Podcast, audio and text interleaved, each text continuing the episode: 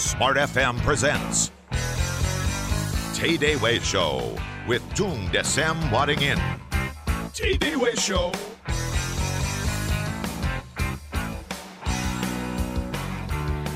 Selamat pagi Indonesia, selamat pagi Smart Listener. Senang rasanya kami terus menemani Anda pagi ini di Smart FM Network, The Spirit of Indonesia. Tidak hanya di Jakarta, tapi juga di seluruh kota di Indonesia yang bergabung bersama kami pagi ini di Smart FM. Kita kembali dalam TDW Show untuk hari Kamis di tanggal 28 November 2013. Saya Alina Mahamel dan saya bersama dengan narasumber yang dahsyat pagi ini. Siapa lagi kalau bukan Pak Tung Desa Muaringin dan juga partnernya yang sudah bersama saya di studio Smart FM Jakarta.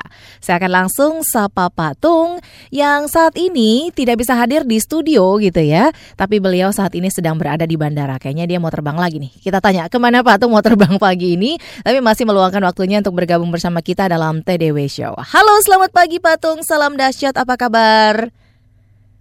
Halo Pak Tung.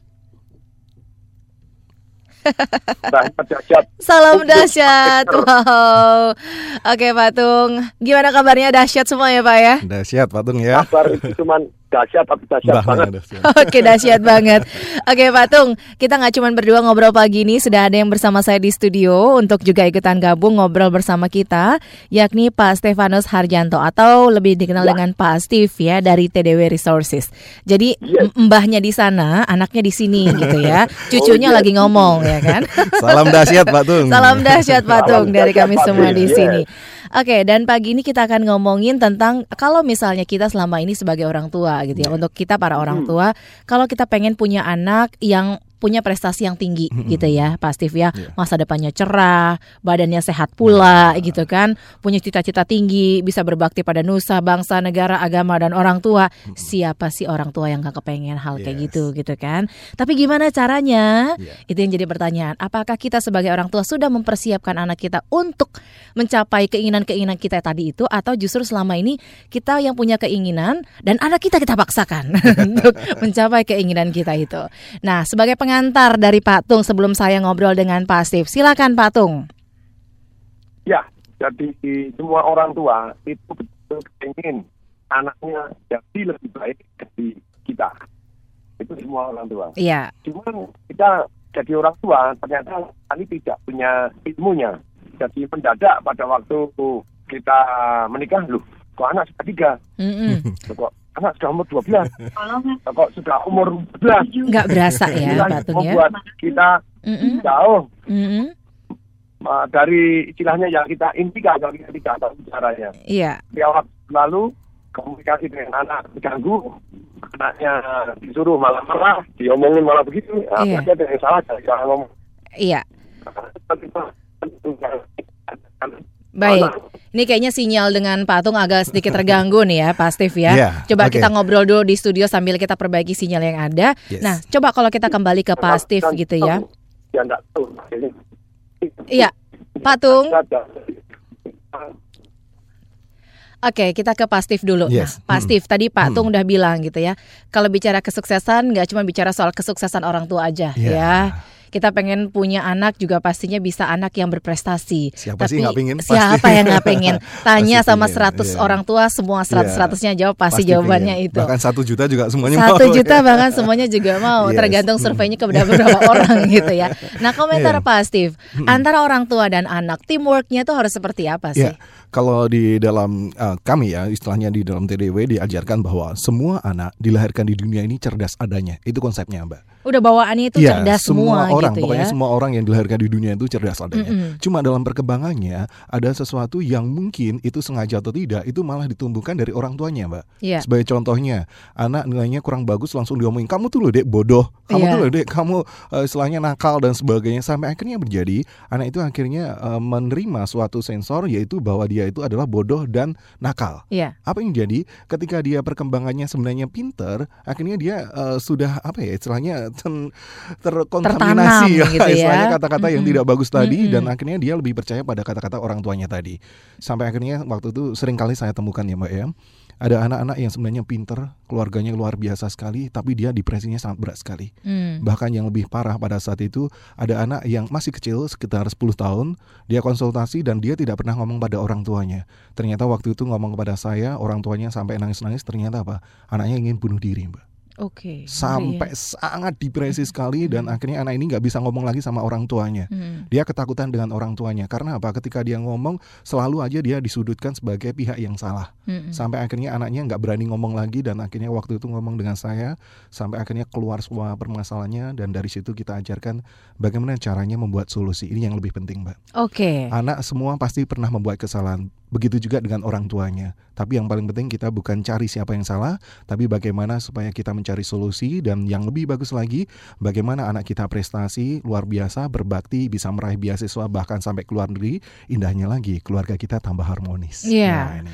Nggak cuman orang tuanya aja yang sukses, Iya. nggak cuman anak-anaknya aja berprestasi, Iya, mm. tapi seluruh uh, anggota keluarga itu semuanya harmonis That's it. gitu Ini ya. yang sangat luar biasa kita Mm. mengajarkan yaitu bagaimana caranya Mm-mm. supaya kita sinergi, Mbak. Iya. Nanti akan kita ajarkan secara prakteknya Mm-mm. dan ada beberapa cara yang sangat efektif sekali Mm-mm, mm-mm. yang nanti mungkin bisa langsung dipraktekkan, Mbak. Mm. Jadi nggak usah lama-lama langsung bisa dipraktekkan juga.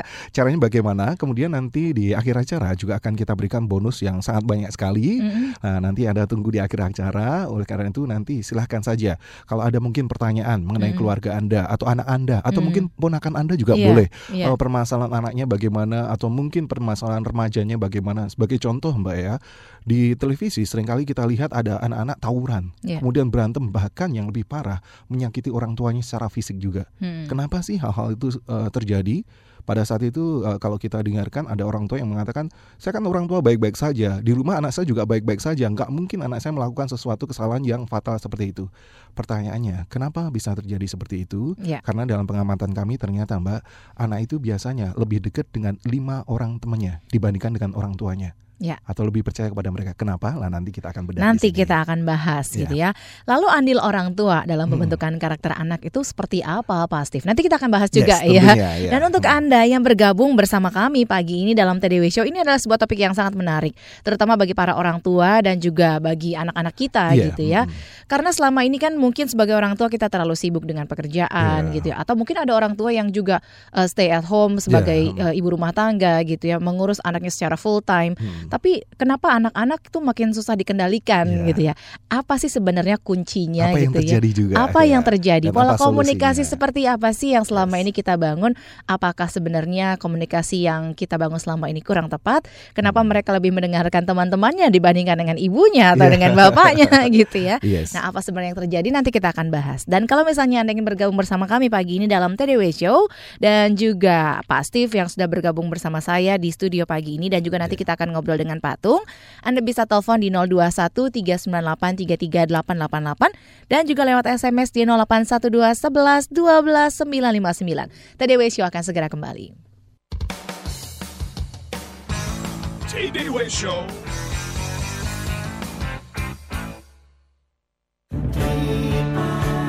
Memberi adalah anugerah. Dengan keikhlasan, kepedulian, serta pelayanan yang optimal, senantiasa kami berikan untuk Anda sejak tahun 1978 dengan selalu berinovasi dalam jasa asuransi. Tripa menyediakan layanan asuransi pengangkutan, asuransi kebakaran dan perluasannya, asuransi kendaraan bermotor, asuransi kecelakaan diri, asuransi kontraktors all risk, asuransi erection all risk, asuransi electronic equipment, asuransi machinery breakdown, serta asuransi uang baik konvensional atau syariah. Kami layani Anda agar lebih dekat dan lebih bersahabat. Hubungi asuransi Tripa di call center 021 72 22 717 atau klik www.tripakarta.co.id. Asuransi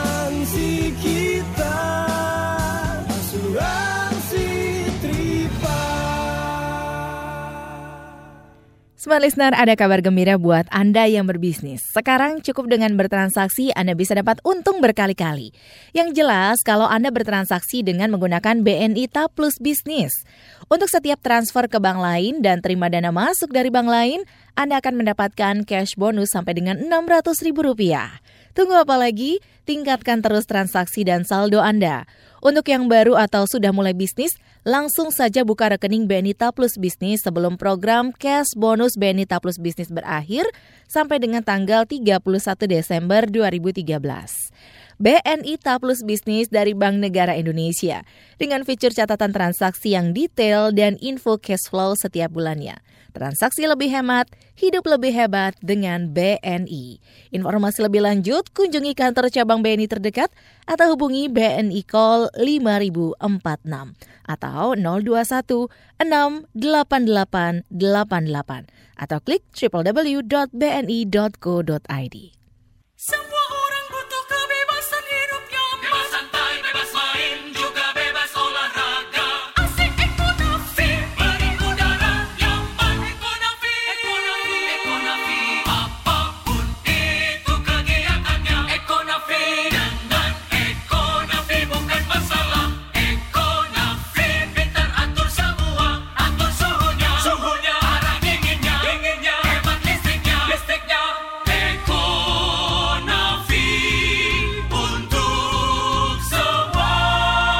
Memperkenalkan AC Panasonic Inverter dengan teknologi Econavi yang otomatis mendeteksi posisi, kegiatan serta tingkat pendinginan sesuai dengan yang diperlukan. Listrik pun jauh lebih hemat hingga lebih dari 50%. Dilengkapi pemurni udara nano EG yang lumpuhkan kuman, bakteri dan jamur. Anda pun bebas hidup lebih hemat dan sehat. AC Panasonic Inverter Econavi. Liberty to breathe better. Panasonic.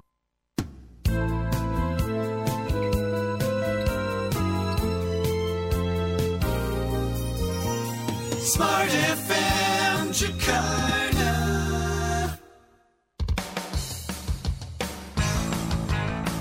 TD Way Show with Tung Desem Wadding In. Kita bicara soal kesuksesan anak dan juga kesuksesan orang tua. Kalau anaknya sukses, orang tuanya juga sukses dong. Kalau orang tuanya sukses, anaknya harus lebih sukses lagi. Nah, bagaimana kemudian andil dari para orang tua untuk bisa memaksimalkan potensi anak?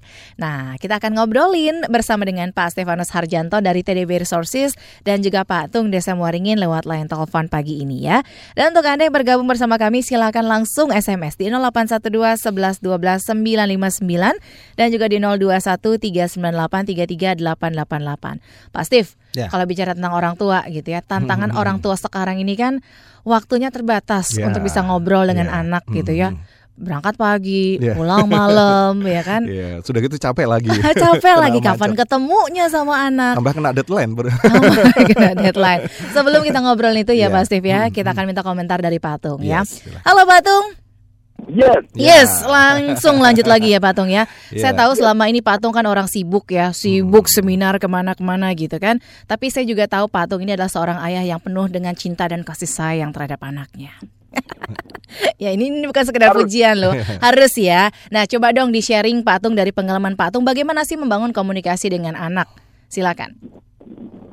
Jadi membangun komunikasi dengan anak, pertama kali kita desain terlebih dahulu karakter seperti apa yang kita inginkan untuk anak kita, dan kemudian kompetensi apa yang kita inginkan anak kita memiliki. Jadi kita mulai mendesain sungguh-sungguh. Mm-mm. Terus kemudian bekal apa yang akan kita berikan kepada anak kita. Ya, Terus kemudian cara menyampaikannya kapan dan bagaimana. ya, Contohnya, kalau tadi anak mau pada waktu pulang sekolah, Anda bilang, PR-nya sudah kerjain belum? Hmm. Nah, anak kita tidak senang kalau dengan cara seperti itu gitu ya. Kita tahu datang perintah jeder gitu. Dia kan bukan karyawan kita, dia Iya. sama karyawan pun juga nggak seperti itu kan gitu ya. Jadi ternyata harus ada bahasa basinya terlebih dahulu Mm-mm. dari kepada anak kita. Misalnya anak anak saya senang bola, ya saya belajar tentang bola. Saya ngomong tentang bola dulu. Eh tadi Chelsea kalah loh, ini oh, Chelsea menang loh, ini kan Hmm. dia senang Chelsea begitu ya. Iya. Nah, terus Sesuatu yang disenenginya dengan- gitu ya Patung ya. Ya Iya. bersahabat baru kita terus kemudian kita cari waktu kapan kita mau menekankan bahwa karakter seperti ini yang Mm-mm. penting gitu ya Iya. terus kemudian kita cari waktu-waktu di mana kita bisa memasukkan bekal nilai-nilai yang kita inginkan demikian sehingga di waktu nanti ketika tidak ada kita ketika anak kita mengalami tantangan-tantangan ya dia bisa masuk ke nilai-nilai ini Nah, waktu yang Contohnya, paling pas untuk nyampain hal-hal kayak gitu tuh kapan, Pak Tung? Kalau dari pengalaman Pak Tung? ketika kita temukan dia mengalami tantangan tersebut. Nah, jadi tantangan ini ataupun kejadian yang betul-betul kita sudah inginkan gitu ya. Maksudnya sudah kita inginkan Contohnya, saya kepingin anak-anak saya itu rukun begitu. Mm-mm. Satu hari saya temukan anak-anak saya sedang bermain. Mereka bermain bertiga gitu. Begitu saya pulang, wah papa seneng anaknya rukun. Ayo kita berenang rame-rame. Kita nyebur di kolam renang biur rame-rame. Terus kemudian uh, masih pakai baju lengkap gitu. Kita Hmm. nyebur semua ngaco-ngaco gitu. Tapi lucu-lucu seneng. Nah setelah berenang, berenang terus kemudian uh, saya ngomong sama uh, kakaknya ya, yang anak saya yang paling besar, bosku gitu ya. Terus papa mau ngomong sama kamu. Papa sendiri gitu ya, di kolam renang di pojok lagi berdua. Uh, papa ngomong, apa papa anu dia sudah seneng gitu. Uh, papa seneng sekali uh, bosku sayang sama adik-adiknya. Tak cium keningnya, tak pegang kepalanya, tapi berenang. Jadi dia, Iya. oh, wah, itu seneng sekali. Iya. Jadi kita sering kali menegur anak, tapi jarang memupuk anak kita ketika anak kita melakukan something yang sesuai yang kita inginkan. Mm-mm. Maka melatih monyet gitu ya, monyet Iya. aja bisa dilatih Iya. untuk manjat kelapa dan kemudian metik pohon kelapa gitu ya. Iya. Ternyata orang melatih monyet itu tanpa bentakan, tanpa cambuk, Iya. tapi dengan satu pujian, dengan satu istilahnya something yang positif ketika dia melakukan sesuai yang kita inginkan. Oke. Kita melatih dolphin juga Hmm. caranya begitu. Mm-mm.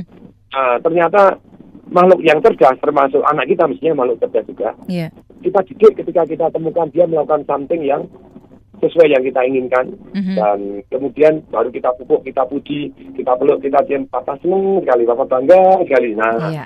kita Oke. bilang, Iya. jauh lebih maju daripada disuruh, ditegur, diperintah, gitu, dimarahin. Mm-mm. Apalagi Baik. dibagi-bagi ini, goblok ini, dia kamu, ah, ini nyentuh siapa, itu kan DNA bapak ibunya ada juga. Gitu. Iya.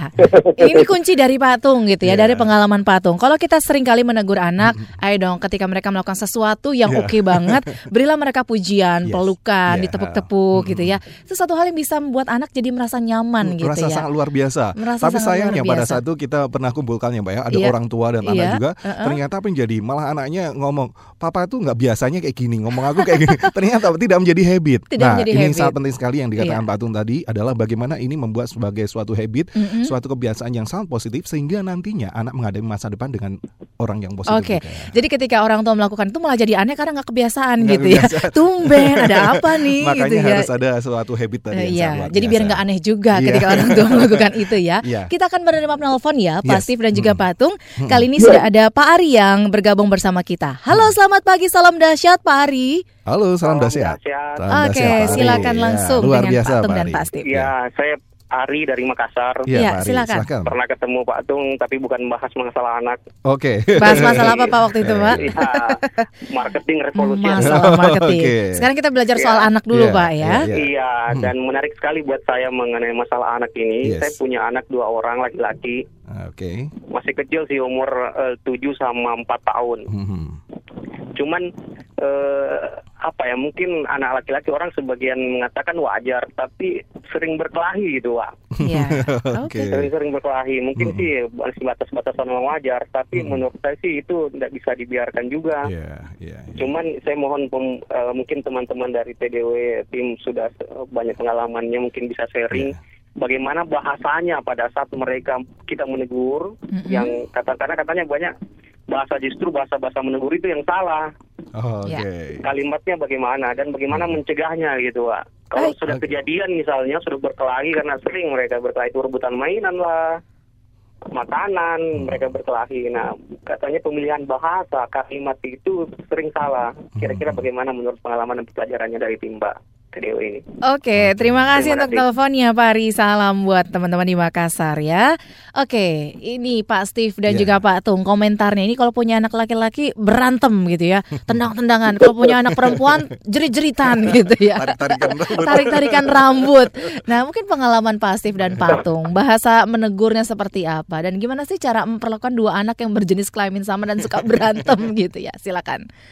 Ya, Pak Tung punya komentar barangkali?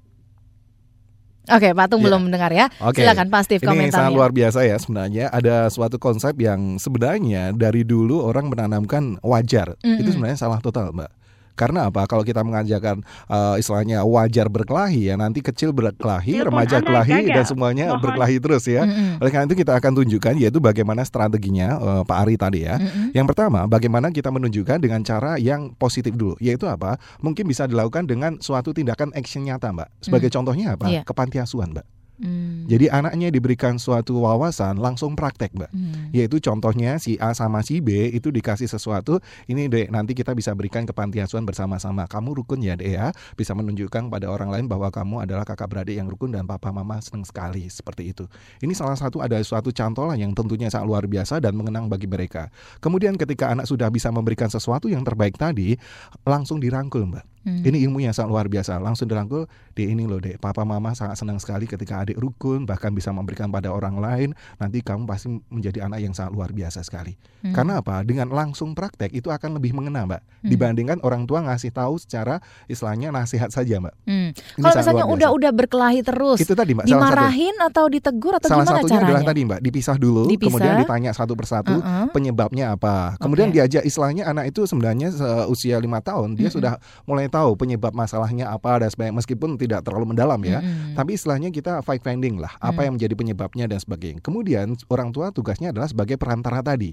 Ini yang sangat penting sekali adalah kita menjembatani bagaimana kita tidak berpihak kepada satu karena contohnya pada saat itu ada yang orang tua itu sangat senang sekali dengan anak yang paling bontot, Mbak. Iya. Jadi ketika Biasanya bungsu Iya, dimanja ini gitu ya. kakaknya yang salah gitu dan sebagainya. Hmm. Jangan seperti itu. Jadi kita harus sama-sama bagaimana cari tahu dulu, kemudian setelah cari tahu ini yang rahasia yang sangat penting sekali tadi Mbak pelukan, Mbak. Pelukan. Ketika pelukan anak itu Mm-mm. merasa nyaman. Mm-mm. Contohnya tadi, Dek, mulai hari ini adik dengan kakak sangat rukun ya, itu papa mama senang sekali. Masalah kan sudah selesai. Nah, sekarang kita bermain bersama dan kita lakukan bersama. Sebagai contohnya tadi kalau Pak Atung berenang di rumah beliau Mm-mm. langsung saja berenang. Nah, Mm-mm. kalau Anda nggak ada kolam renang mungkin berlari Mm-mm. atau jalan bareng dan sebagainya. Karena apa? Dengan eh, istilahnya switching pattern atau mengubah polanya tadi dari berantem menjadi rukun, itu akan menjadi habit tadi, Mbak. Iya. Jadi ini sangat luar biasa dan powerful, Mbak. Karena Hmm. apa? Itu saat itu juga terselesaikan salah satunya. Tapi tentunya butuh proses ya. Jadi yang saya katakan, kalau anaknya tidak terbiasa mungkin wah papa ini gimana? Kok aneh jadinya Tenang bapaknya saja, gitu karena ya. gini Pak Ari, yaitu kita harus tetap butuh proses. Oleh karena itu nanti akan kami undang ya. Mm-mm. Itu nanti hari Minggu tanggal Mm-mm. 1 Desember nanti Iya. ada prakteknya langsung, Mbak. Oke. Jadi langsung ada praktek, bukan hanya teori sekali lagi. Praktek bagaimana anak Anda rukun, keluarganya tambah rukun juga. Hmm. Bukan hanya anaknya, tapi juga orang tuanya, papa mama tambah rukun. Mm-mm. Ini sangat luar biasa. Sekali lagi, tanggal 1 Desember nanti Anda datang di sana. Nanti Anda cukup bawa alat tulis, kemudian nanti Anda praktek bersama. Karena apa? Akan kami tunjukkan yaitu strateginya. Ini yang pertama, Anda catat dulu strateginya. Yang pertama adalah kita harus tahu dulu apa yang menjadi kelebihan anak kita. Ini penting, Mbak. Mm-mm. Kalau orang tua tidak pernah tahu kelebihan anaknya, ya mungkin istilahnya harus ditanamkan dulu kelebihan anak kita apa dan sebagainya. Karena apa? Ini akan lebih mudah, Mbak. Ketika anak melakukan sesuatu yang positif, kemudian orang tua memberikan pujian yang layak, itu anak menjadi sangat senang sekali tentunya. Oleh karena itu nanti sekali lagi hari Minggu tanggal 1 Desember ada dua sesi Mbak di sana. Sesi 1 jam 10, sesi 2 jam 14 di Hotel Ciputra. Ini kan hari Minggu ya Mbak ya. Mm-mm. Nanti tolong ini diajak sebagai liburan yang sangat positif Mbak. Jadi kedua-duanya baik Iya. orang tua dan anak Orang tua dan hadir anaknya ya. karena nanti ada prakteknya bagaimana kita memberikan sentuhan yang positif, bagaimana kita bisa memberikan konsultasi pada anak kita tanpa kesannya menggurui tadi Mbak. Iya. Jadi istilahnya tapi yang dikatakan Pak Tung bagaimana kita memberikan akses yang lebih positif tadi. Nah, oleh karena itu caranya gampang sekali. Seminar ini sebenarnya senilai Rp850.000 tapi gratis bagi hanya 80 orang pendaftar pertama saja.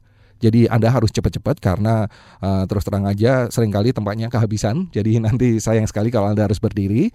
Silahkan Anda telepon sekarang juga ke 021 547 6677. Saya ulangi pelan-pelan.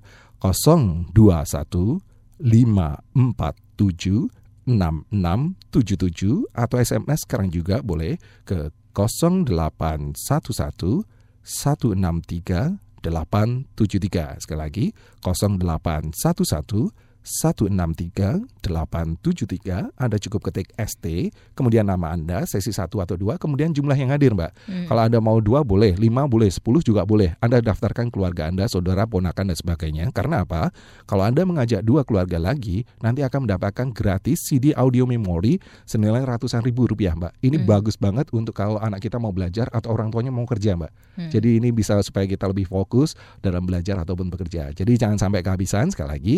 Anda telepon ke 021 547 6677. Sekarang Oke. juga ya. Iya, langsung mendaftar untuk sepertiin program itu ya, Iya. Pak Steve ya. Tanggal 1 Desember hari Minggu besok. Karena nanti ya. ada prakteknya tadi, Ada Mbak. prakteknya Termasuk nanti langsung. ada juga konsultasi. Oke. Konsultasi semi private untuk Uh-uh. anak Anda dan keluarga Anda Uh-uh. dan yang lebih penting lagi juga konsultasi untuk orang tuanya silahkan juga. Baik. Contohnya nanti anaknya bagaimana dan sebagainya silahkan saja. Mhm. Oke. Nanti kita akan ngobrolin lagi ya Pak Steve ya Yes. tentang seminar ini juga tentang nah, selama ini tantangan yang dihadapi oleh orang tua untuk mengetahui potensi anak itu seperti apa. Yes, oke. Dan mungkin orang tua udah tahu sih, cuman belum tahu gimana cara memaksimalkan potensi anak. Oke. Ya kan? Nanti kita akan kupas gimana caranya dan tetap bergabung bersama kami TDW Show akan segera kembali setelah jeda komersial berikut ini.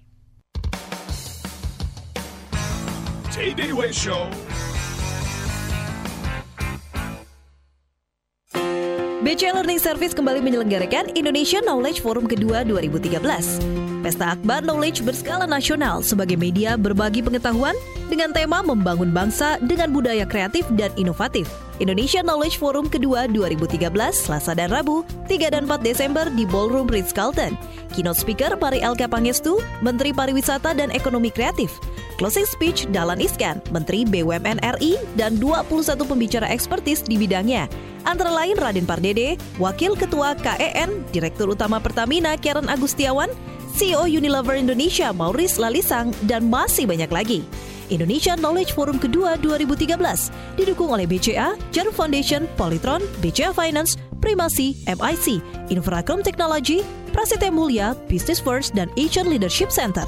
Segera daftarkan diri Anda ke BCA Learning Service, hubungi 90394601 atau kunjungi www.bcalearningservice.com. Smart Listener, selalu ada hal baru yang bisa Anda jelajahi di Indonesia. Mari berlibur di Indonesia di awal tahun 2014 dan temukan keragaman Nusantara dalam Garuda Indonesia Super Deal Promo. Nikmati diskon 12% ke berbagai destinasi di Indonesia. Berlaku untuk pembelian tiket hingga 7 Desember 2013 untuk periode penerbangan 1 Januari hingga 31 Maret 2014. Tunggu apa lagi? Pesan tiket pesawat Anda sekarang juga. Untuk reservasi dan informasi lebih lanjut, hubungi call center 24 jam Garuda Indonesia 021 2351 9999 atau 0804 1807 807 atau kunjungi kantor penjualan Garuda Indonesia terdekat, travel agent pilihan Anda atau klik www.garuda-indonesia.com. Nikmati kenyamanan terbang bersama Garuda Indonesia. Garuda Indonesia, the airline of Indonesia. Syarat dan ketentuan berlaku. Six Second Indonesia Malaysia and HR Excellency mempersembahkan Best Eki for Sales Program of the Year Impact Selling with Eki. Saatnya Anda ikut workshop Impact Selling with Eki dan dapatkan ilmu-ilmu praktis serta tips meningkatkan skill penjualan dengan pendekatan emotional intelligence Eki. Dibawakan langsung dua pakar kecerdasan emosional dari Indonesia dan Malaysia, Anthony Dio Martin, The Best Eki Trainer Indonesia, Country Director Six Seconds Indonesia, dan FC Law, Country Director Six Seconds Malaysia. Bonus assessment lengkap Eki for Sales, buku Handout 20 Sales dan CD Selling with Eki. Workshop berlangsung 25 hingga 26 November 2013 di Hotel Santika Premier Jakarta. Daftar sekarang juga ke 0213518505 atau ke 0213862521. Invest yourself to be a great sales.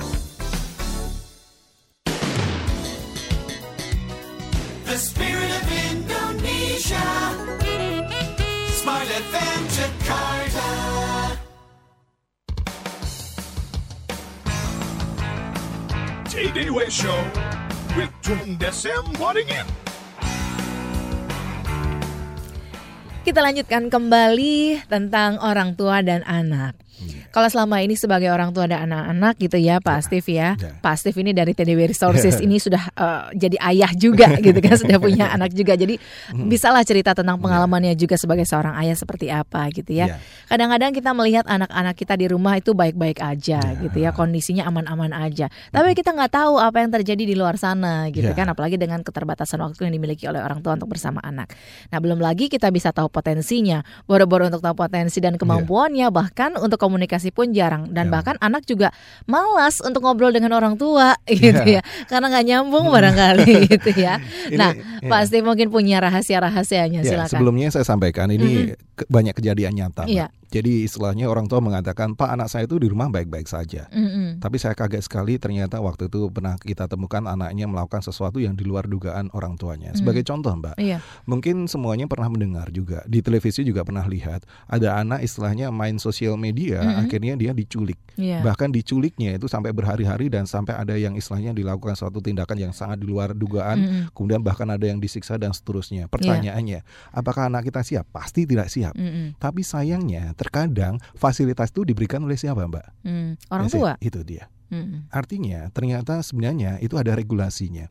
Usia anak kita untuk sosial media minimal harus berapa tahun? Itu harus ada dan itu harus kita sepakati Minimal bersama. berapa? Ya contohnya kalau istilahnya kalau Mm. eh, secara kami ya, Mm. ini istilahnya kalau anak sudah menemukan jati dirinya sekitar SMA, ya, dia harusnya baru bisa. Mm. Tapi kalau masih SMP dan sebagainya kan dia tidak tahu.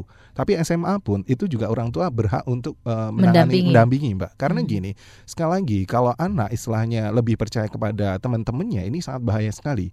Karena kalau contohnya apalagi teman di sosial media, teman maya ya Hmm. istilahnya, dia tidak tahu temannya itu siapa. Iya, Tapi dia ngasih iya gini dan sebagainya. Ini ternyata banyak sekali, Mbak. Nah, ini peran kita sebagai orang tua itu ada tekniknya, Mbak Mm-mm. ada tekniknya yaitu nanti akan kami tunjukkan di sana yaitu teknik yang pertama kita lihat contohnya cookies cookiesnya dari komputer anak kita Hmm. atau apa yang diakses anak kita itu contohnya historical dari uh, Apa apa, yang yang, di-download dilihat. apa dilihat dan Hmm, sebagainya hmm, itu hmm. harus kewajiban dari orang tua nah Hmm. itu ada teknik-tekniknya Berarti orang tua berhak untuk cari tahu ya. karena orang tua yang membelikannya juga Karena harus orang tahu tua yang juga nah memfasilitasinya. ini sangat penting sekali karena apa kalau Hmm. terlambat ini bahaya sekali mbak Mm-mm. oleh karena itu nanti harus datang ya sekali Mm-mm. lagi orang tuanya dan anaknya Mm-mm. anaknya minimal 10 tahun. Minimal Kem- 10 tahun. kemudian uh, sampai kuliah silahkan saja. Mm-mm. Tapi yang paling penting harus orang tuanya datang. Kalau Hmm. ada yang mengatakan Pak, kalau saya single parent gimana? Silahkan datang juga. Yang paling Mm-mm. penting Anda mempunyai kemauan untuk bagaimana anak Anda meraih yang terbaik tadi. Iya. Nah, salah satunya nanti akan kami tunjukkan bagaimana sih anak itu bisa mulai memilih dan memilah, Mbak. Ini penting sekali. Yaitu dia bisa memilih apa yang tepat untuk dia, apa yang tidak tepat untuk masa depannya. Hmm. Kemudian dia akan tahu bagaimana cara menghindarinya. Iya. Kemudian dia akan bisa membuat suatu perlindungan diri, Mbak. Oh, Iya. ini tidak bagus untuk saya, meskipun tidak ada orang tua. Baik. Wah, ini tentu sangat penting sekali ya. Iya. Oke. Kita akan ngobrol dengan Rika. Reka, Reka iya. atau Rika ini? Reka. Reka. Oke. R E C C A, banyak Reka gitu ya. Kita Oke. akan ngobrol dengan Reka. Reka ini Hmm. adalah seorang remaja, remaja ya, Iya, Eh, Pak Steve ya, sangat sukses sekali. yang sangat Iya. sukses sekali. Meskipun dulunya Meskipun dulunya ada apa? kekurangan, pasti semua anak pasti ada kekurangan. Oke. Tapi sekarang dengan adanya pelatihan kami, Mm-mm. akhirnya hasilnya sangat luar biasa. Oke, sekali. coba kita tanya pengalaman dari Reka. Halo, selamat pagi Reka. Halo Reka. Ya, selamat pagi. Iya, Luar biasa salam Reka. dahsyat, Salam Reka. dahsyat Reka. Iya, nih Reka, kalau ceritanya Pak Steve sih katanya Reka dulu komunikasi dengan orang tuanya nggak terlalu bagus gitu ya. Pelajarannya juga. Pelajarannya juga nggak oke, Bahasa Inggrisnya. prestasinya jelek. Bahasa Inggrisnya kurang bagus. Nah, ya. sekarang apa yang Reka rasakan perubahannya dan boleh cerita nggak untuk kita semua pagi ini? Silakan Reka. Silakan, Reka. Iya. Mungkin kalau saya cerita pengalaman di sebelum dan sudahnya ya, dulu Mm-mm. sebenarnya saya tuh ikut super team saatnya karena saya dipaksa karena dulu hampir nggak naik kelas. Wow. Hampir nggak naik kelas ya dulu ya. Oke, Jadi oke. karena nilainya sangat jelek, makanya dipaksa. Jadi waktu saya Heeh. ikutnya Desember ya, Heeh, heeh. jadi saya dipaksa ikut dan waktu itu ya saya ikut gitu dan Hmm, hmm. Yang ini itu nilai-nilai kelas saya paling parah Inggris salah satunya Inggris saya itu saya di dikte itu nggak bisa dibacanya itu nggak bisa Mm-mm. dan di waktu itu ya nilai saya sangat rusak itu saya ikut ke super team Hmm. dan di super team itu saya mendapatkan banyak hal ya Mm. salah satunya ya untuk personal kita sendiri Mm-mm, lalu juga bagaimana cara belajar mm-mm. dan juga teman-teman yang sangat mendukung Iya. nah itu saat saya belajar caranya belajar itu suatu hal yang menurut saya sangat penting paling penting tapi diajarin di sekolah Iya. Hmm. Terus Dan apa yang terjadi keluar, sekarang saya Reka? praktekkan. Mm-mm.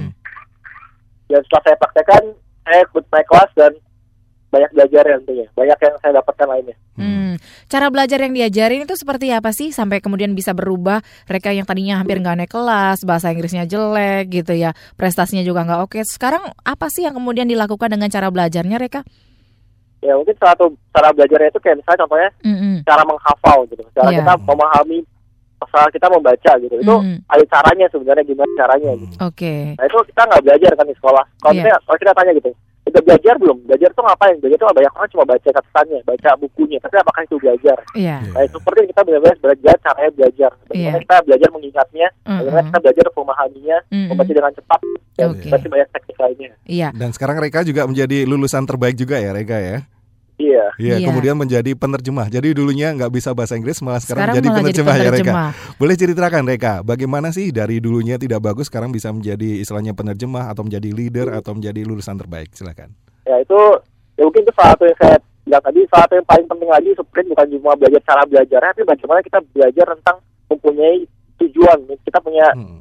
tujuan dalam hidup, kita punya arahan dalam hidup. Dan waktu itu, ya karena dulu saya Inggris aja jelek, saya nggak tahu kenapa di sprint akhirnya saya bikin sebuah tujuan, saya pengen Inggris saya bagus. Iya. Hmm.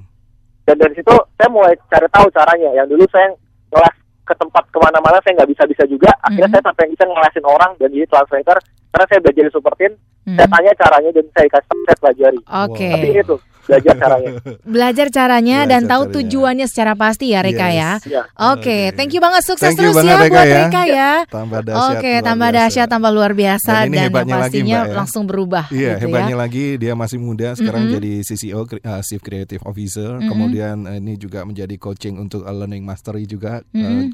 kemudian menjadi orang yang luar biasa student of the year, sangat luar biasa Usianya prestasi. berapa Reka ini? Usianya masih Pasti. muda ya. Ini masuk uh, sekitar SMP pada saat itu, sekarang Mm-mm. kuliah ya sekitar Mm-mm. 20-an sekian ya. Oke. Tapi apa yang jadi dia progresnya sangat luar biasa sekali dan ini Mbak penting bisa menginspirasi anak-anak lain untuk menjadi jauh lebih Iya. luar biasa Iya. dan mandiri. Karena dia sendiri sudah mengalami dan Iya. kemudian bahasanya juga lebih mudah diterima sangat oleh lebih percaya diri mbak. gitu Ini yang ya. sangat penting sekali. Ketika Mm-mm. anak tidak eh, diajarkan tekniknya seperti yang dikatakan Pak Tung tadi, tidak ditunjukkan caranya, anak tidak akan menemukan mbak. Tapi Oke. ketika kita tunjukkan caranya, kemudian anak praktek hasilnya sangat luar biasa sekali. Iya. Dan lebih hebatnya lagi, inti tadi, setiap anak pasti pernah membuat kesalahan. Demikian juga dengan orang tuanya pasti juga pernah Hmm. Iya, membuat iya. kesalahan. Jangan sampai kita harus saling menyalahkan, Iya. tapi cari solusinya. Ini Iya. penting sekali. Ini cari solusi Cari ya. solusi, Lalu ya. bagaimana kemudian dengan dengan bahasa yang sering kali gini nih. Ini ini Mm-mm. juga banyak pertanyaan dari Iya, smart listener iya, gitu ah, lewat oke. SMS. Ya. Oke, anak kita buat salah. Ya. Oke, orang tua juga mungkin Hmm, buat salah. Masing-masing punya andil terhadap andil, kesalahan ya. itu.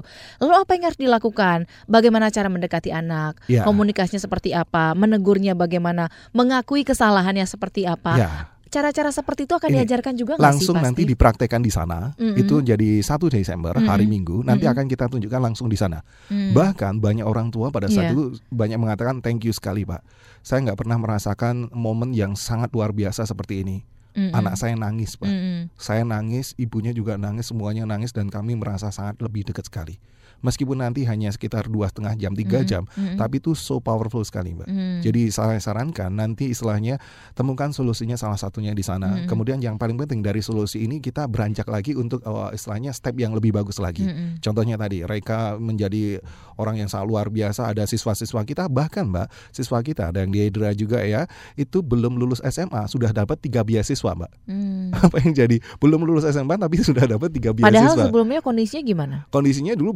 biasa-biasa saja, Hmm. hubungan dengan orang tua juga tidak bagus. Iya. Apa yang jadi ketika ada super team, anak itu bisa appreciation sama orang tua, menghargai Hmm. orang tua. Memang apa sih eh, Pak Steve yang diajarin sehingga sampai bisa merubah anak seperti itu? Yang pertama adalah destination of life Hmm. atau istilahnya setting Tujuan goal tadi, tujuan apa? hidup yang jelas. Jadi Hmm. anak itu tujuan sekolah apa, tujuan untuk kuliah apa, tujuannya dia hidup itu untuk apa. Mm-mm. Ini sangat penting sekali karena ada banyak eh, juga anak-anak yang mengatakan saya nggak tahu tujuan saya sekolah apa. Saya kan Mm-mm. dipaksa untuk sekolah, Mm-mm. saya dipaksa untuk kuliah pilih jurusan ini sama Mm. orang tua saya. Saya Mm-mm. nggak suka. Iya. Ada yang seperti itu. Karena apa? Ketika anak seperti itu dia akan melakukan dengan terpaksa. Iya. Ketika terpaksa dia tidak melakukan dengan optimal. Mm-mm. Apa yang jadi? Pasti ada sesuatu yang clash atau istilahnya berbenturan dengan orang tuanya. Mm-mm. Maka tugas kita sebagai orang tua yaitu bagaimana caranya mengarahkan seperti tadi Pak Tung katakan, mengarahkan, memberikan jalan, kemudian memberikan support ataupun semangat yang luar biasa ketika anak melakukan sesuatu yang terbaik. Mm. Jangan istilahnya disalahkan terus tidak, tapi Mm. harus cari solusi. Nah, solusinya bagaimana? Nanti sekali lagi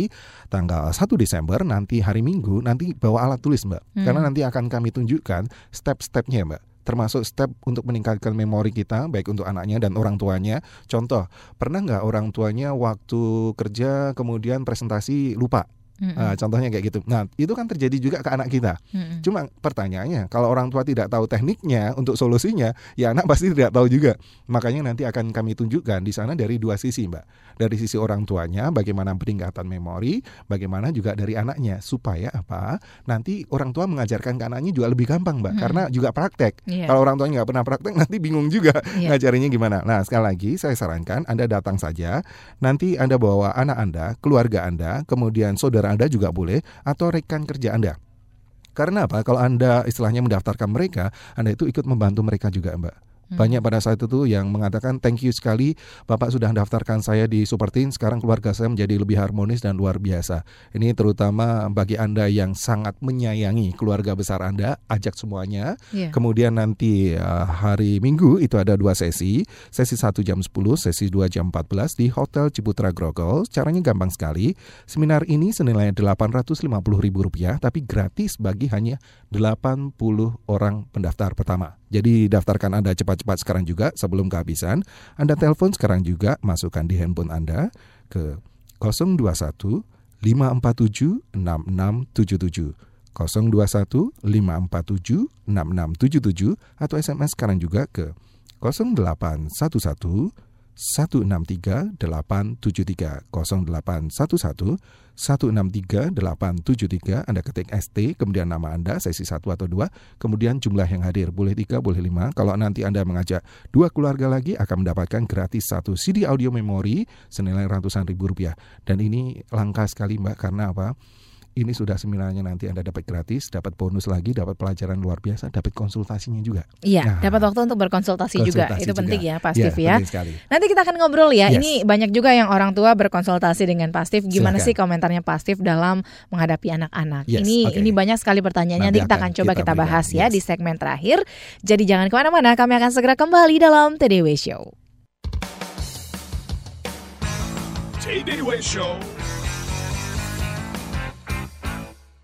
Transaksi satu hari kena sepuluh ribu. Transaksi satu bulan dua ratus ribu. Transaksi satu tahun biayanya dua juta. Transaksi lima tahun bisa sepuluh. Hah? Biaya transaksi 10 juta? Kemahalan ya? Makanya. Ayo kawan transaksi pakai BNI Ayo ayo ayo. Biaya transfer dan pembayaran lebih hemat.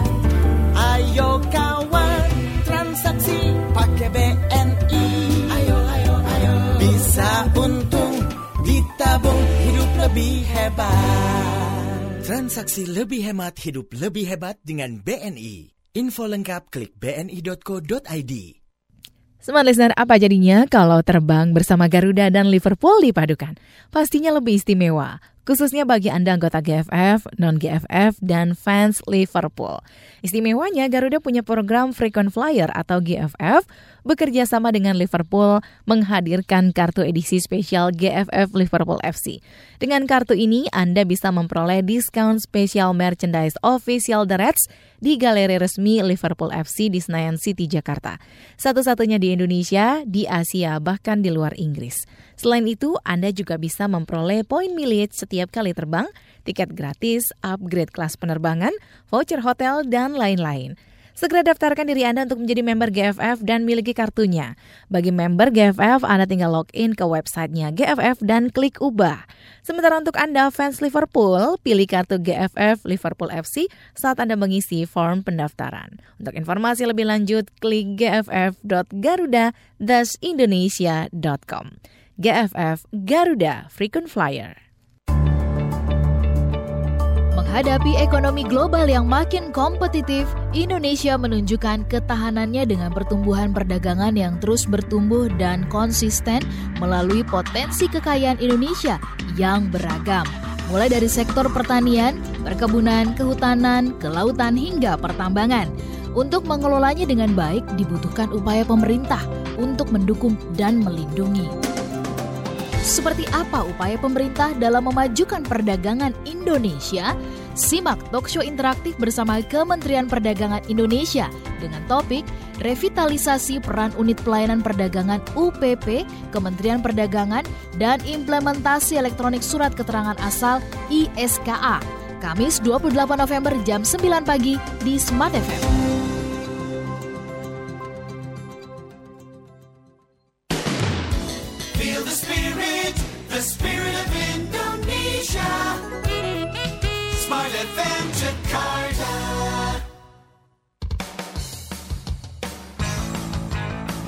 TDW Show with Tung Desem Waddingin.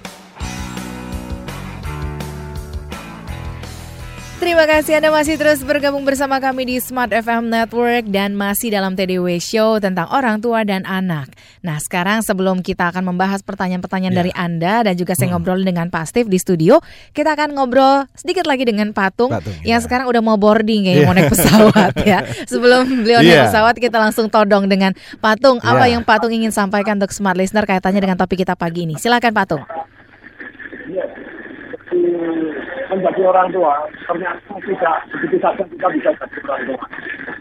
Alangkah baiknya kita terus belajar bagaimana menjadi orang tua yang bahagia. Yes. Ilmu belajar juga ternyata bisa diajarkan. Teknik mengingat juga bisa kita Baik. Bisa saya ikut hari ini, apalagi kalau kita kalau gratis Baik. begitu film yang akan ada yang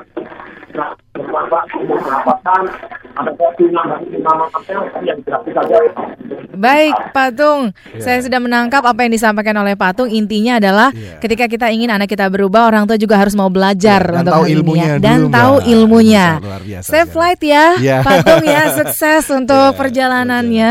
Nah, mungkin kita akan langsung membahas ya, Ya. Pak Steve ya. Oke, Tadi silakan. Patung udah bilang orang tua intinya harus tahu caranya gimana, Ya. mau belajar dan salah Ya. satunya ikutan seperti program Yes. ini gitu ya. Tapi kita akan coba juga menjawab pertanyaan dari Silakan. Anda smart listener yang sudah kirimkan lewat SMS kami pagi ini. Ya. Nah, bagaimana caranya ini dari Edi di Solo ya, Pak Pak Steve ya? silakan. Saya mau tanya, kalau anak saya dikasih tahu itu sering lupa Oh, dan gitu, sering kali oke. mengulang-ulang kesalahan yang sama. nah, mungkin kalau anak-anaknya sering lupa, orang tuanya sering ngingetin, jadinya cerewet gitu kan?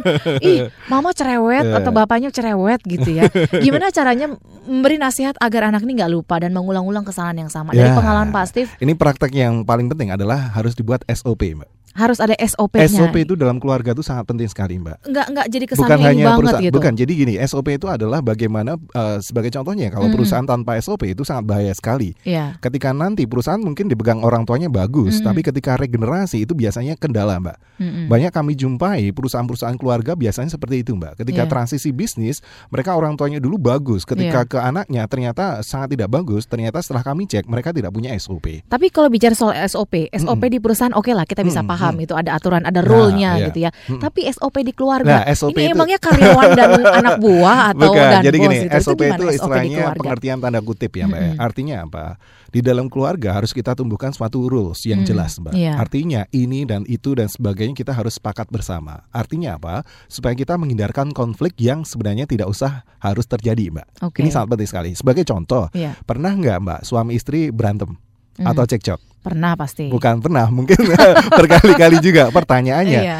uh, bisa nggak terjadi sesuatu hal yang terjadi yang dulu terjadi terjadi lagi? Bisa. Ini sangat penting sekali. Sebelum terjadi harus dibuat SOP lagi. Maksud saya adalah harus ada kesepakatan, bersama tadi. Kesepakatan. Ini sangat penting sekali untuk mengajarkan pada anak kita. Caranya apa? Kita ajak bersama-sama satu keluarga itu untuk menulis, Mbak. Perlu nggak SOP atau rule itu kemudian ditulis Iya, dan penting, ditempel penting sekali, Mbak. gitu? Jadi penting sekali. Ini Mhm. sebagai contohnya, Mhm. ini menanamkan sifat disiplin, Mbak. Oke. Disiplin yang sangat luar biasa. Artinya apa? Ini kan sudah sesuai kesepakatan kita bersama. Mhm. Artinya dari anak dari orang tuanya. Sebagai contoh, kalau anak tidak diberikan itu biasanya, Mbak ya, itu di sekolah nanti juga kurang bisa terkontrol juga. Tapi Mhm. kalau anak sudah terbiasa dengan adanya seperti itu, anak akan disiplin meskipun jauh dari orang tua. Iya. Ini sebagai contoh-contoh konkret ya, Mbak ya. Baik. Siswa kita itu pada saat itu ada yang dulunya itu tidak disiplin sama sekali. Mm-mm. Di depan uh, apa belum bangun tidur ya, sudah pegang remote nonton TV. Ada yang seperti itu. Sampai akhirnya tidak punya SOP-nya kan tidak jelas sampai akhirnya apa? Prestasinya kacau balau. Hmm. Kemudian apa nih jadi orang tuanya akhirnya masukkan dalam program seperti ini tadi. Kita latih, kita buat. Nah, ini penting, Mbak. Mm-mm. Kita catat bersama ya, Mm-mm. time management. Time management. Jadi anak sejak usia dini sudah tahu time managementnya. Hmm. Dia harus melakukan apa dan sebagainya. Tapi biar gimana caranya biar time management ini nggak kaku gitu Nah, kadang-kadang. caranya adalah kita mesti dibuat enjoy juga. tadi, seperti Pak Tum Enjoy, katakan tadi. fun ya. Fun, istilahnya mungkin diajak jalan-jalan bersama, tidak harus kaku seperti itu tidak, Hmm. tapi enjoy. Tapi Hmm. istilahnya, "Eh, Dek, tadi Papa kira-kira sudah bilang apa ya? Sudah Hmm. ditulis belum? Contohnya kayak Hmm. gitu. Jadi istilahnya cara penyampaiannya juga enjoy. Mm-mm. Kemudian mulai ditulis, oke dek, boleh diulangi apa Hmm. yang tadi papa katakan? Oke, oke good. Berarti adek ingat dan ini bagus sekali. Ini Hmm. sangat penting sekali. Kemudian kita kasih tahu kenapa sih perlu adanya seperti ini. Hmm. Contohnya itu tadi. Iya. Nah, sebagai contohnya ada siswa kita yang tadi saya ceritakan, akhirnya dia mempunyai SOP-nya, Mbak. Istilahnya istilahnya dia punya rule-nya, regulasinya, Hmm. time management-nya. Sampai akhirnya hasilnya luar biasa. Dulunya prestasinya kacau balau, hubungan dengan orang tua juga nggak bagus, kemudian habitnya sangat jelek sekali, dia lebih suka nonton TV, main game dan sebagainya sampai akhirnya dia tahu kapan saatnya belajar. Kapan saatnya bermain, kapan saatnya ibadah, kapan saatnya dengan orang tua dan seterusnya. Hmm. Sampai akhirnya anak ini prestasinya luar biasa, lebih hebatnya lagi, dia usianya masih sangat muda sekali, tapi dia sudah mulai buka bisnis kecil-kecilan. Hal- Yang lebih hebatnya lagi, Mbak, ternyata bisnisnya ini menghasilkan disumbangkan ke panti asuhan lagi. Ya, nah kebiasaan-kebiasaan pada anak ini, pendisiplinan dan Hmm. lain-lain, time management, Hmm. ini sebenarnya bisa dilatih dari usia anak berapa sih, Jadi Pak gini Steve? Mbak, sebenarnya sejak Mhm. anak usia kecil, Mhm. balita pun juga bisa. Hmm. Itu ada rulesnya. Sebagai Iya, contoh, kalau kita iya. punya bayi gitu ya, Mhm. itu kapan saatnya makan, Mhm. kapan saatnya istirahat dan sebagainya. Mhm. Tapi tentunya harus fleksibel juga. Iya. Nggak bisa bayi ngantuk, ayo makan, makan nggak bisa juga kayak gitu ya. Bayinya akan gumoh Nah, ya tentunya. Tantangan dari, dari Mm-mm. orang tua biasanya kan Mm-mm. kalau soal pendisiplinan ini anak-anak tuh nggak jauh dari rengek merengek Ah, gitu ya. ini. Ini pertanyaan dari Ya, Pak Ziki Pak yang Ziki, ada di oke. Tasikmalaya. Ya. Gimana menghadapi anak-anak yang suka merengek-rengek kalau dikasih tahu, Ya. suruh bangun tidur, suruh makan, suruh belajar, malah Hmm. merengek-rengek, malah nangis Ya, gitu ya. Karena sekali lagi itu Gimana? tadi Mbak, eh, istilahnya anak belum mempunyai time management yang jelas. Mm-mm. Maka saran saya nanti Anda ikutkan anak Anda juga ya Mbak ya Iya. dan keluarganya supaya kita Mm-mm. tahu apa sih yang disebut time management. Mm-mm. Kalau bahasa itu kan bahasa wah bahasa gedenya. Mm-mm. Time management gampangnya itu istilahnya setiap hari kita bikin jadwal. Contohnya adik mandi jam berapa, bangun tidur jam berapa dan seterusnya. Itu harus ada kesepakatan bersama, tapi yang lebih penting lagi tadi Mbak banyak siswa kita itu berhasil sangat luar biasa. Bahkan ada yang meraih beasiswa sampai ke Stanford University, ke Australia, ke Jerman dan sebagainya karena mereka sudah ditanamkan disiplin dari awal tadi, Mbak. Mm-mm. Nah, ini gunanya Super Teen adalah ketika orang tuanya mungkin give up, Mbak. Iya. Istilahnya sudah nggak tahu lagi caranya Mm-mm. bagaimana. Mm-mm. Atau Anda mungkin sebenarnya nggak give up tapi belum menemukan cara yang terbaik. Nanti akan kita berikan caranya di sana karena gini, Mbak. Sekarang saya ingin tanya, ada nggak orang tua yang mempunyai anak tanpa masalah sama sekali? Nggak ada. Kalau ada berarti dia dalam masalah. Karena semua anak pasti Semua ada pasti masalahnya masing-masing. ya. Oleh karena itu tenang saja. Mm-mm. Yang paling penting nanti akan kami tunjukkan karena gini, permasalahan anak tentunya beda, intensitasnya juga beda, kemudian uh, cara mengenanganinya juga beda karena anak kita itu uh, sangat mempunyai keunikannya masing-masing. Nah, di tenang saja nanti akan kita tunjukkan contohnya Pak Siki dan sebagainya. Kalau anak merengek itu sebenarnya simple tadi, Mbak, yaitu kita buatkan uh, pendekatan yang lebih intens. Kemudian ini penting sekali, ada tiga hal mungkin kita bisa lakukan. Yang pertama adalah kata-kata positif, kemudian yang kedua lagu yang positif, Mm. kemudian yang ketiga ini penting sekali sentuhan yang positif, Mbak. Ya, kata, laku dan juga sentuhan. sentuhan yang positif. Tapi biasanya orang mana sempet Pak, saya pulang kerja aja udah ngantuk, anak saya udah tidur. Mm. Ini harus disempatkan. Paling tidak adalah kualitas waktu, Mbak. Iya. Karena apa pun juga anak kita itu sangat berang yang tulus dari Iya. orang tuanya. Sepakat dengan Yes. Pak Steve. Terakhir Pak Steve, apa Yes. pesan Pak Steve untuk smart listener yang ingin belajar jadi orang tua yang baik, yang ingin juga mengarahkan anaknya berprestasi? Apa Ya. yang ingin Pak Steve sampaikan sebagai penutup? Silakan. Sekali lagi, hidup adalah pilihan. Yes. Apa yang kita pilih untuk anak kita itu tentunya yang terbaik. Tapi Pasti. sayangnya kadang orang tua belum tahu teknik yang terbaik dan Iya. sebagainya. Nah ini lewat Supertin adalah Dr. Enes sudah lebih dari 25 tahun dalam bidangnya. Sudah jutaan orang diajar dan hasilnya sangat luar biasa di berbagai negara. Kemudian ada Pak Tung juga. Silahkan nanti Anda temukan yang terbaik yaitu tanggal 1 Desember tadi ke 021 547 6677. Dan kami doakan keluarga Anda tambah luar biasa karena apa? Bukan hanya dari sisi anaknya tapi orang tuanya juga lebih harmonis. Oke. Betapa kita inginkan itu semuanya. Iya, jadi langsung mendaftar ke nomor yang tadi sudah disebutkan oleh Pak Steve untuk seminar super teen Pak bagi para orang tua dan anak di Ya. tanggal 1 Desember besok ya. Ya. Bertempat di Hotel Ciputra, langsung Anda telepon ke 021 547 66 77. Untuk 80 orang pendaftar pertama akan Gratis. mendapatkan gratis, Jadi untuk bisa mengikuti kemudian dapat CD ini. juga nanti kalau Anda mengajak dua keluarga lagi. Asik pokoknya ini kesempatan yang luar biasa dahsyat untuk kita para orang tua belajar untuk memahami anak-anak Yes. kita. Oke Pak Steve, thank you banget Terima buat sekali. waktunya sharing dan juga sekali. menginspirasi kita para orang tua bagaimana agar kita bisa mengarahkan anak-anak kita untuk memaksimalkan potensi yang mereka miliki. Yes. Mudah-mudahan ini bermanfaat buat kita semua ya dan terima kasih buat Anda yang sudah bergabung lewat Pak SMS, sudah sharing tentang pengalaman Anda. Ada Pak Amrullah di Banjarmasin, ada Pak Yusuf di Samarinda, ada Pak Muhammad juga di Banjarmasin, ada Zuna di Dem- Demak, Jawa Tengah gitu ya. Dan juga buat Anda yang juga sudah sharing pengalaman-pengalaman Anda lewat SMS, terima kasih banyak atas semua komentar dan juga pendapat Anda. Nanti kita akan lanjutkan kembali dalam TDW Show minggu depan. Semoga program ini bermanfaat untuk Anda dan kita akhiri TDW Show untuk pagi ini. Akhirnya saya Alina Mahamel. Saya Stefanus. Kami mengucapkan salam dahsyat. That was Tay Day Way Show with Tung Desem Wadding In. Brought to you by Smart FM Network.